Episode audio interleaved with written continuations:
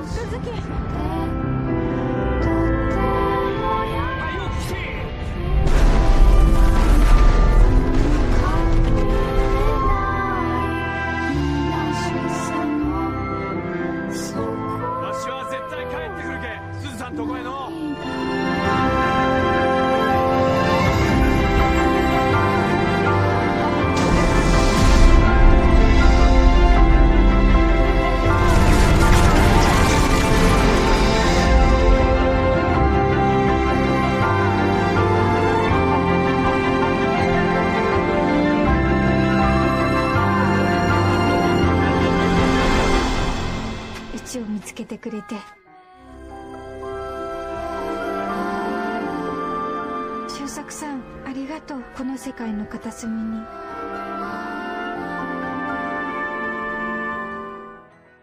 In this corner of the world.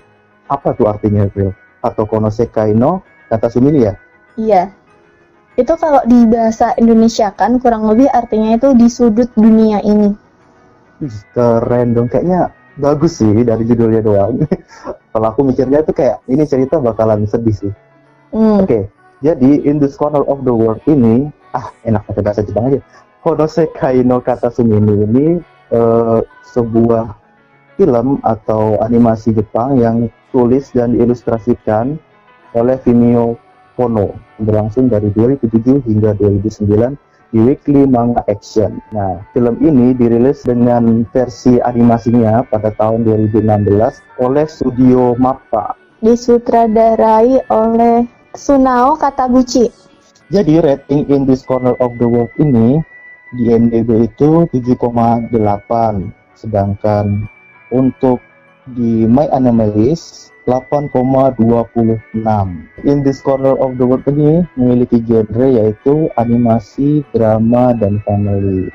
Karakter utamanya yaitu Shizu Urano dan cowoknya itu Hojo Susaku Oke, kalau untuk pengisi suaranya, si Suzu Urano itu diisi oleh Nounen Rara, kalau Susaku Hojo itu oleh Hosoya Yoshimasa. Iya, Hmm. Hosoya Yoshimasa. kayaknya kayak nggak biasa untuk ngisi di anime lain gitu kan maksudnya anime Ya, namanya agak asing sih, cuma ada ada satu karakter yang diisi oleh seiyu yang eh, pengisi suara atau seiyu yang udah terkenal gitu. Jadi di karakter Mitsuhara Tetsu, yang isi tuh Daisuke Ono. Dia kayak Sasuke Ono. Oh. tahu kan Daisuke Ono? Nah, itu dia anime apa tuh karakter apa tuh biasa dari si cewek Ya, suara. saya nggak nggak hafal anime apa aja sih, cuma kan dia terkenal dengan suara eh, suara kalemnya gitu. Jadi dia Oke. itulah pokoknya. Salah satu seiyu favoritnya nih kayaknya. Enggak juga sih. Untuk sinopsisnya sendiri akan dijelaskan oleh April, soalnya dia lebih tahu soal uh, anime ini. Silahkan. Nah, oke teman-teman, jadi anime ini punya durasi kurang lebih 2 jam 9 menit atau 129 menit. Kemudian, yang bikin anime ini keren sebelum aku masuk ke sinopsis ya, itu sutradaranya, si Sunao Katabuchi itu benar-benar melakukan riset yang amat sangat serius gitu. Dia bahkan sampai menanyakan orang-orang eh, korban bom ya, korban bom Nagasaki dan Hiroshima saat itu eh, dan dikuatkan dengan foto-foto atau dokumen. Jadi bener-bener pas kita nonton filmnya itu kayak feelnya kerasa banget kalau itu tuh pada zaman dahulu seperti itu gitu. Konosekai no Katasumi itu menceritakan kehidupan seorang gadis yang bernama Suzu pada masa Jepang saat Jepang terlibat dalam Perang Dunia Kedua. Kalian ingat Perang Dunia Kedua itu Jepang terlibat perang sama siapa? sama pihak sekutu ya Pihak sekutu lebih tepatnya negara mana? Ingat gak? Eh, Amerika Serikat dan dan teman-temannya kalau sekutu kan gitu kan bahasnya kalau dulu itu blok barat gitu kan Ya, bagus ini berarti nilai sejarahnya. Oke, jadi si Suzu ini terakhir pada sebuah keluarga petani rumput laut di kawasan pantai Eba, tepatnya di Hiroshima. Nah, kemudian pada saat dia berusia ke 8, 18 tahun, sorry, dia dilamar oleh seorang pemuda yang dia nggak kenal, namanya Susaku. Nah, si Susaku ini tinggalnya di Kure dan bekerja sebagai eh, angkatan laut di Jepang saat itu. Di dalam anime ini kita bisa lihat usaha kerasnya Suzu untuk belajar jadi ibu rumah tangga. Bayangin ya 18 tahun jadi istrinya orang menikah sama orang gitu kan. Terus belum tahu ilmu apa-apa gitu kan. Jadi usahanya keras banget buat itu. Di tengah-tengah keluarga suaminya di Kure, si Susaku tadi. Dan di sela-sela segala kesulitan karena perang yang berkecamuk. Termasuk tragedi yang membuat Suzu kehilangan berbagai hal yang penting baginya. Selain itu, kita juga diberi bayangan mengenai apa yang terjadi kepada rakyat yang berada di wilayah perang. Bagaimana makanan mereka diransum dan dibatasi, ruang gerak mereka dibatasi, dan mengalami ketakutan akan serangan sewaktu-waktu yang setiap saat bisa terjadi gitu. Hmm, Jadinya tuh rakyat kecil di pihak mana pun, kalau misalkan mereka terlibat perang, itu bakalan jadi korban gitu kan. iya benar benar Nah, jadi secara umum anime ini menceritakan tentang cinta yang dapat membuat orang bertahan di tengah kesulitan dan juga menyampaikan pesan mengenai pentingnya perdamaian. Hmm, ini dalam banget ya Iya, Gila. Betul, dalam banget. Menurut saya gitu sih. Jadi untuk film animasi In This Corner of the World ini memiliki 10 penghargaan dan 9 nominasi. Dari mana tuh Yan sumbernya? Oh, dari MDB. Dari MDB. Nah, kalau saya nih di Wikipedia dibilang bahwa eh, anime Konosekai no Katasumi ini memenangkan 69 penghargaan dari 85 nominasi. Keren banget kan? Banyak banget. Padahal kalau dipikir ratingnya nggak yang tinggi-tinggi amat kayak itu ya. Hmm, hmm, hmm. Yang film betul betul betul. sebelumnya kita bahas kan. Tapi eh, walaupun rating yang ke ya maksudnya lebih rendah dibandingkan animasi yang sebelumnya kita bahas yang nyentuh angka 9 itu agak beda sih. Tapi memang dari segi penghargaannya memang si Konosekai no, Konosekai no Kata Sumini ini bisa ya bisa diacungi jempol banget gitu. Maksudnya ini memang film yang termasuk worth juga untuk ditonton. Sinopsis yang udah disampaikan sama April, nah sekarang kita bahas yuk karakter favorit. Nah, karakter favorit nih, April. Kalau aku sendiri, bentar ya, eh, tahan dulu sebelum kasih jawaban. Jadi kalau menurut aku sendiri ada karakter favorit yang mungkin sebagian besar orang mikir kalau misalnya udah nonton bakal ngefavoritin si Suzy Urano Mm-mm. ya. Tapi kalau aku pribadi, Mm-mm. aku malah ngefavoritin ini loh kakak iparnya dari Suzy Urano. Kenapa emang? Siapa namanya? Uromura siapa? Huju pasti ada hujunya. Enggak, beda ada ngikutin. Oh ngikutin suaminya ya? Nggak tahu deh. Lupa. Uromura Keiko. Oke, terus? Ya, kenapa? Ken- ken- kenapa aku suka sama karakter ini?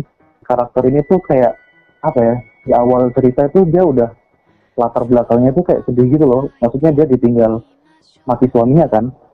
Iya sih? Betul. Nah, terus kemudian dia kehilangan hak anak pertamanya dan dia nggak bisa lihat anak pertamanya lagi. Dan dia cuman berdua aja sama anak keduanya itu kan.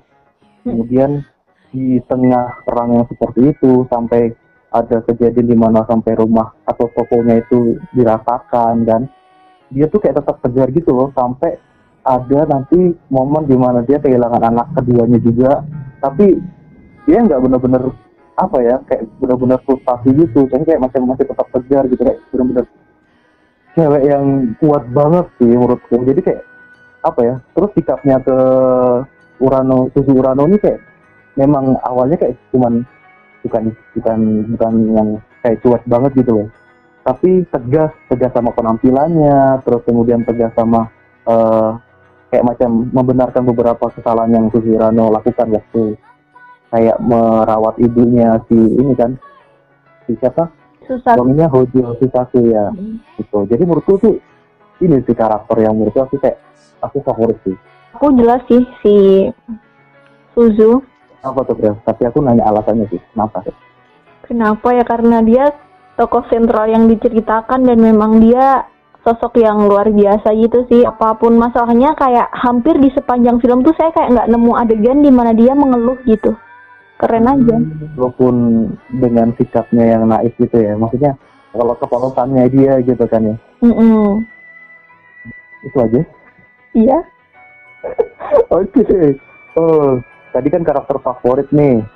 Kira-kira ada nggak sih di film Konosekai no Katasumi ini yang di nggak disukai gitu bro Hmm, kalau kamu gimana? Ada nggak? Nggak ada sih kayaknya. Nggak ada ya? Kalau menurut aku juga nggak ada sih. Maksudnya apa ya secara keseluruhan itu nggak benar-benar ada karakter yang dibenci gitu sih. Kalau Mm-mm. pribadiku nganggapnya gitu. Yang cara jalan ceritanya ya ya memang pusatnya cuma untuk di si Suzu Urano itu. Dan Iya. kayak kayak yang lain tuh jadi Ah. pelengkap gitu nggak sih? Jadi kayak yang benar-benar menunjukkan karakter aslinya gitu pemain lainnya. Bahkan suaminya itu kayak bener-bener pos si posisinya tuh dikit banget gitu. Padahal dia karakter utama juga maksudnya main karakter gitu loh. Mm-mm. dan kita masuk ke adegan favorit. Nah Phil kira-kira ada nggak adegan favorit di anime Konosekai no Katasumi ini adalah ada ya? Apa tuh? Kalau aku tebak boleh nggak? Boleh. Eh, kalau aku tebaknya tuh kamu tuh di menit kedua eh menit ke 160 nggak sih? Yang ketika 160 perasaan cuma eh, sorry, 129 120 dia di mana itu loh si siapa? Susaku sama Kojo kembali ke Hiroshima. Hmm. ke tempat asalnya si Suzu Urano Hmm. Terus ketemu sama anak kecil itu kan. Oh Iya. enggak sih salah besar. Oh bukan ya? Oh sayang sekali. Sayang sekali jawaban anda salah besar. Oke terus apa dong? Adegan yang paling saya suka dan menurut saya itu lucu ya itu pas. Jadi si Suzu ini kan dia hobi gambar dan gambarnya tuh keren banget kan? Ya betul betul. Ya kan pas adegan di mana dia sama-sama dengan anaknya kakaknya. Oh iya iya iya. Sampai nah pas itu dia kan gambar kapal tuh karena si anak kecil ini seneng banget sama kapal. Ah, akhirnya dia pengen membuat eh, anaknya kakaknya ini seneng kan. Dia gambarlah itu kapal. Nah pas saat dia gambar ada petugas yang datang dong hampiri dia. Oh iya adegan itu. Oke oke oke oke oke dikira malah terus dibawa kan sampai ke rumah dimarah-marah gitu dibilang pengkhianat bla bla bla bla gitu kan. Dan keluarganya semua tuh kayak tegang gitu saya mikirnya ya ampun kasihan banget ini Suzu. Dan Suzu tuh kayak gadis polos gimana sih reaksinya kalau kayak dimarah-marah gitu dia kayak cuma bisa eh meratapi nasibnya gitu kan. Eh, pas petugasnya pergi ya ampun itu bener-bener lama kayak diceritain tuh dari pagi sampai sore diceramahin kan. Habis itu Hmm. Ternyata semua keluarganya tuh kayak yang nggak percaya gitu malah malah ternyata selama ini keluarga yang dengerin pas dia diceramahin itu menahan tawa coba. Jadi lucu sih. Ya punchline-nya tuh waktu pas suaminya pulang gitu sih iya kan? Iya Kayak macam- betul. Yesus aku pas pulang gitu langsung dia bilang jadi selama ini siapa Suzu Urano itu mata-mata ya. Oh, gara-gara dia bilang begitu langsung semuanya ketawa kan.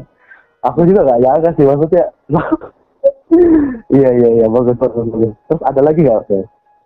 Pas si Suzu masih kecil dia kan punya kakak ya sama adik perempuan nggak sih kalau nggak salah Hmm, iya dia kan eh, kayak rutinan gitu loh setiap musim panas dia datang ke pemandian.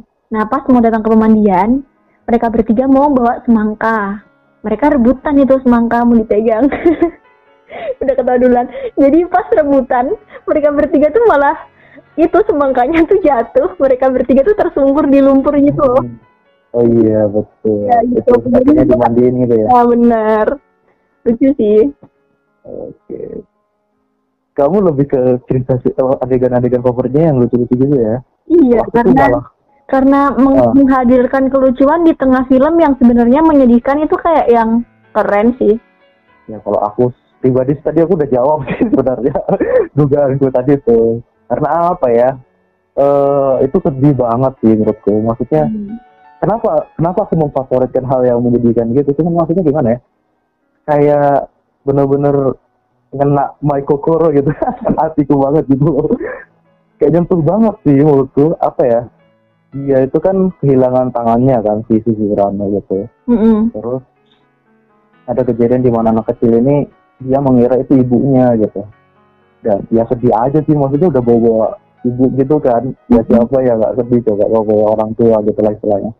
Terus ibunya itu sebelumnya juga kehilangan tangannya karena ledakan di Hiroshima dan kemudian pokoknya benar-benar terluka parah lah. Mm. tapi dia masih genggam tangan anaknya itu gitu yang eh, terus terus dipegang gitu pokoknya istilahnya. Terus sampai sampai keadaan di mana ibunya sudah nggak mampu lagi dan kemudian terduduk akhirnya meninggal. Tapi anak kecil itu masih tetap bertahan di situ sampai benar-benar ibunya itu punya mayat membusuk di situ benar-benar apa ya sedih banget gitu. Terus anak kecilnya tuh kayak terkatung-katung gitu loh. Terus akhirnya lihat si Suzy Urano lagi duduk sama suaminya yang kebetulan si Suzy lagi apa makan sama suaminya kan. Terus keadaan yang Suzy yang nggak punya tangan kanan gitu kan. Jadi kayak terus dingira ibunya kemudian ya itulah pokoknya sedih lah pokoknya bagian situ itu sedih tapi keren gitu loh apa ya? Keren gitu aku favorit banget sih ya dengan itu. Apalagi kalau kita nonton kan biasa ada eh, iringan-iringan musiknya osnya gitu loh itu kayak hmm. sedih gitu nggak sih? Ya oke sekalian karena sudah dibahas.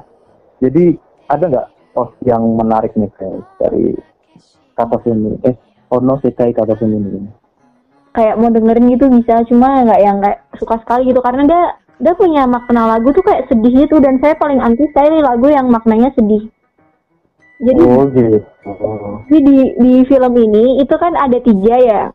Yang pertama ada Tanashikute ya Yari Kirenai. Sorry ya nggak pinter bahasa Jepang.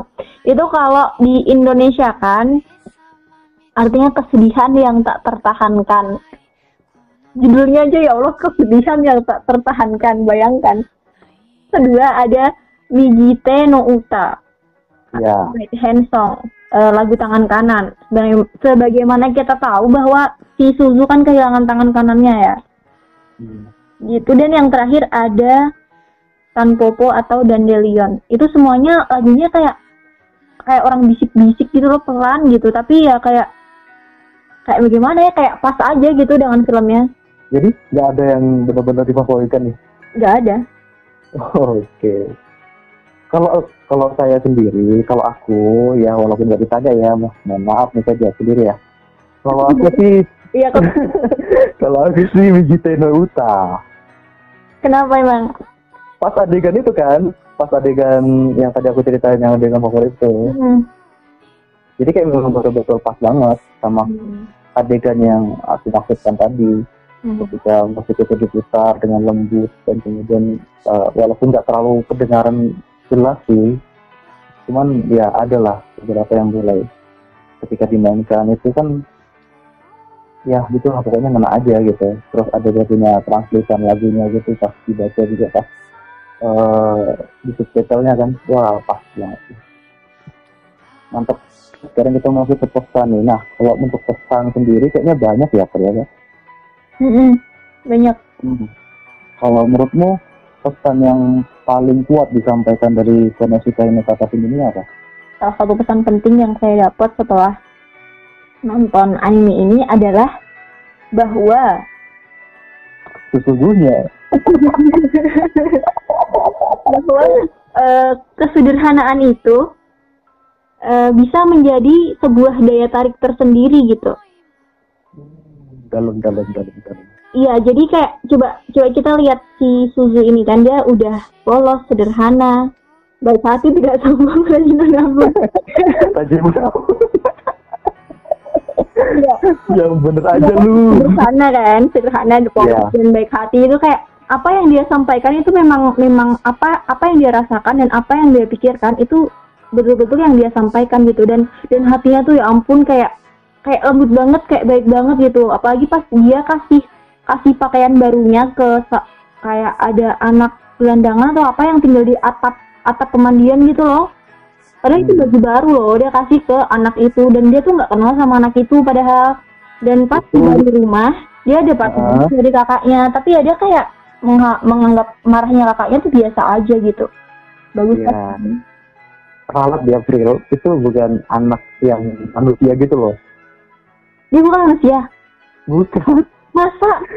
Dia yokai gitu kayak macam monster yang ya monster kan gitu masa kayak dia kayak siluman gitu. makan gitu. Masa monster Ih, enggak iya ampun. Kamu kamu kira itu dilihat sama orang-orang yang lain? Enggak yang lihat itu cuma neneknya sama si Suzu. Tidak deh. Pas di adegan terakhir Kamu- kan pas di adegan terakhir dia bilang dia kan ketemu sama cewek yang nunjukin dia jalan kan Suzu itu. Dia bilang waktu aku dulu pas kecil ada yang kasih aku semangkat sama baju masa? Masa sih? Ih. enggak deh. Iya deh. Masa itu? Enggak deh. Enggak enggak enggak. Itu itu manusia itu manusia. Ya udah sih. Kalau menurutku sih bukan. Oh, ya udah lah. Ya udah kita punya eh, pemahaman masing-masing soal manusia atau bukan. Habis kan dia memang punya kemampuan untuk lihat yang nggak gitu-gitu kan si ini. sih? masa sih? Heeh. Ya ampun, ya udahlah. Nanti kita nonton lagi loh kalau gitu. Kita bisa debat lagi nih kalau oke kalau perlu.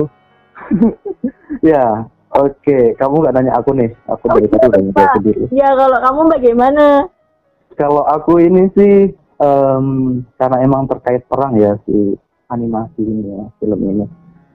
Karena terkait perang, jadi aku melihat dari sisi bagaimana kota Jepang ya khususnya dalam mengatasi sebuah bencana. Ya kita tahu kalau Jepang itu terkenal dengan pemberitaannya yang selalu saja menyemangati satu sama lain. Dan itu benar-benar apa ya? Mungkin dari dulu kali ya. Kayak ada sebuah brosur gitu kayak bukan brosur kayak macam papan pengumuman gitu kan. Kayak bukan apa ya? Kayak ngasih semangat gitu sih. Kayak intinya kita bisa melewati semua ini dengan sama-sama gotong royong dan segala macamnya. Dan menurutku itu keren sih. Apa ya? Pesan-pesan seperti itu yang disampaikan ketika manusia benar-benar disudutkan ya dalam suatu bencana misalnya. Kita tuh memang benar-benar harus saling menyemangati dan tidak boleh bersedih gitu. Harus tetap kuat tetap sama-sama dan itu benar-benar disampaikan gitu menurutku dalam cerita Konosuke kata ini. Gitu sih. Iya ya, jadi dia ini sebenarnya filmnya film yang menceritakan perang, tapi malah kita nggak yang sedih banget. Coba kita bandingin sama film satunya tuh, dia ceritain perang juga kan, itu pernah nonton The Grave of Fireflies ya? Di- belum belum oh tapi aku tahu sedikit sih Yang itu tuh film karyanya Studio Ghibli, hmm. Hota Hotaru ya. Hot- Hotaru di Nomori eh eh Hotaru no Haka ya, Hotaru no Haka kalau nggak salah bahasa Jepangnya. ah ya coba ceritakan Ya dia juga aja. akan menceritakan perang kan. Cuma dia kayak Hmm. betul-betul tragis sekali. Ceritanya tuh kayak ya Allah kesedihan demi kesedihan aja yang dialami tuh. Nggak ada yang manis-manisnya nggak ada lucu-lucunya nggak ada bahagia-bahagianya. Kesian sekali. tapi memang pada kenyataannya perang seperti itu. Iya sih. Cuma si anime yang kita bahas ini keren aja. Dia nggak menampilkan eh, nggak banyak menampilkan kesedihan-kesedihan. Ya walaupun ada cuma porsinya pas lah. Nggak yang membuat kita benar-benar ikut depresi karena lihat non- karena nonton film ini gitu. Ya mungkin karena sesuai judulnya ya Konosuke no kata ini jadi kayak eh, menceritakan salah satu sudut dunia ada gitu loh ketika perang itu eh, benar-benar yang enggak seperti yang kita duga gitu tidak nggak tragis-tragis amat. Memang memang butuh sedih cuman kita harus bergerak maju gitu. Iya iya iya. Eh tapi kamu tahu nggak sih eh, apa? Jadi si di sudut eh di sudut film di sudut dunia ini atau Konosekai no Kata ini itu dia kayak sebenarnya ada lanjutannya loh. Ada ada kalimat sebelumnya yang disampaikan Suzu sebelum judul ini gitu. apa tuh aku nggak perhatiin sih Jadi di eh, kalau dari trailer yang saya lihat ya, jadi sebenarnya eh, judul ini itu ditujukan Suzu buat suaminya Susaku. Jadi di trailer itu dia bilang begini, terima kasih Susaku karena kamu telah menemukan aku di sudut dunia ini, gitulah kira-kira bahasa Ih, sweet banget dong. Karena memang mereka jauh banget kan dari eh, apa ya? Ya seperti yang tadi dijelaskan sama April sih cerita apa sinopsisnya itu. Seorang laki-laki yang betul-betul dia nggak kenal dan memang mereka hanya ketemu sekali doang kan. Dan mereka tuh tempat tinggalnya jauh banget memang gitu. Iya sih? Iya jauh banget. Hmm. kayak kita pernah ke sana aja jauh banget ya pokoknya kalau pakai kereta kayak ada gitu ya kalau menurut kita Iya. Iya betul, kita pernah ke sana astaga. Ngomong jauh banget, berasa kayak kita pernah ke sana, bener-bener. Nusuk banget. Kita masuk di sesi yang terakhir, yaitu rating nih, rating rating pribadi. Nah, Phil, kamu kan udah nonton nih. Berapa kali nonton, Dan? dua kali Dua kali, oke. Nah, dua kali cukup lah ya untuk eh, menilai suatu anime ini hmm. bagaimana ya. Eh, kalau kamu sendiri kasih rating berapa nih, Phil? Rating pribadi ya? rating pribadi 9,09 Wow, nanggung lagi kayaknya. nanggung lagi, nanggung lagi. Ya, 9,09. Kenapa tuh? Teh? Alasannya diberi rating 9,09. karena karena ini bagus Kayu Suzu. iya filmnya bagus terus ada beberapa adegan yang menurut saya kayak nggak terduga gitu loh tapi tetap hmm, bisa memberi pandangan baru pada saya buat eh, buat menjalani kehidupan ya lah menjalani kehidupan eh, kalau kita eh, kita nggak perlu jadi orang lain biar disenangi sama lingkungan sekitar kita cukuplah jadi diri kita sendiri saya belajar itu dari film ini Baiklah, baiklah. Memang dalam-dalam ya kata-katanya apa hari ini. Ada apa ini? hmm, saya nggak ditanya lagi sepertinya. Oke. ya kamu berapa Yan Kalau saya em, 8,78 sih. kenapa tuh Walaupun ceritanya memang bagus sih. Kalau aku pribadi menilai cerita ini bagus banget. Memang menceritakan sebuah historial yang benar-benar kita kayak dibawa langsung gitu perang perang ke dunia dua ya kalau nggak salah ya. Iya kan? Mm-mm. Ah. jadi memang kita benar-benar dibawa ke lingkup yang sana karena memang tadi seperti yang kamu jelasin kan kalau si pengarang atau penulis ceritanya ini benar-benar mewawancarai orang-orang atau apa sih menanyai lah pokoknya istilahnya meneliti tentang keadaan ketika si Hiroshima sebelum dibom gitu kan jadi memang betul-betul kita ke bawah gitu kalau kita kalau saya pribadi nonton saya ngerasa saya di bawah gitu kak Mm-mm. ke arah sana. Cum- Cuman ada beberapa bagian yang memang kadang-kadang saya agak mungkin rancu ya, maksudnya agak berubah kayak hmm, bingung gitu loh. Kayak ini gimana, gimana gitu. Kayak ada beberapa potongan-potongan adegan yang saya nggak nyambung gitu. Saya ngerasa nggak nyambung. Jadi kayak macam sebelumnya kayak nonton apa ya, Kimi no Nawa misalnya. Jadi saya nonton ulang-ulang gitu kan, tapi saya akhirnya mulai paham gitu. Tapi kalau si Kono Sekai no eh Kono Sekai no apa sih? Kono Sekai no kata sumini. Iya kan? Mm-mm. Nah itu apa ya tetap rancu sih maksudku kayak potongannya tuh tidak menjelaskan apa-apa gitu kalau aku nonton gitu. Jadi kayak ya gitu. Terus akhirnya agak menurunkan kesan aku untuk nonton eh apa namanya nih? Untuk memberi rating gitu sih. Dan beberapa adegan yang saya rasa kurang apa ya kurang ngena gitu sih di hati gitu. Ya kurang ngena di hati gitu. Cuman yang selain adegan favorit yang tadi ya cuman kalau untuk yang lain mungkin karena saya terlalu terbawa sama sifat dari Suzu Kurano yang benar-benar apa ya dia yang benar-benar nggak mengenal menyerah dan kemudian walaupun hampir mengenal menyerah pun itu dia nggak nggak benar-benar menyerah gitu jadi kayak benar-benar yang apa ya apa ya kalau dibilang itu kayak benar-benar hmm, berpikir optimis mungkin kali ya. Ya semua kan baik-baik aja gitu semua kan baik-baik aja gitu gitu aja sih. Kayak benar-benar nggak yang rasa tragis itu nggak benar-benar muncul gitu. Saya rasa perlu kalau misalnya sebuah animasi ya sebuah animasi kayak macam benar-benar digambarkan suatu ketragisan itu kayaknya saya rasa perlu sih maksudnya biar ada kesan gitu loh. Kalau menurut pribadi biar ada kesan yang benar-benar kuat. Yang tadi kan sempat membahas kalau misalnya anime ini benar-benar apa ya membawa kita ke dalam dunia apa sudut dunia perang tapi kita benar-benar nggak ngerasa ketragisan itu gitu. Iya kan? Iya itu yang aku rasa kayaknya kita perlu sedikit untuk sebagai pembelajaran yang lebih sih. Cuman terlepas dari itu cerita ini atau anime ini tetap bagus sih tetap memberikan pesan-pesan yang memang betul-betul ya sangat baik ih aku udah ngomong banyak banget nih. Oke gitu aja sih.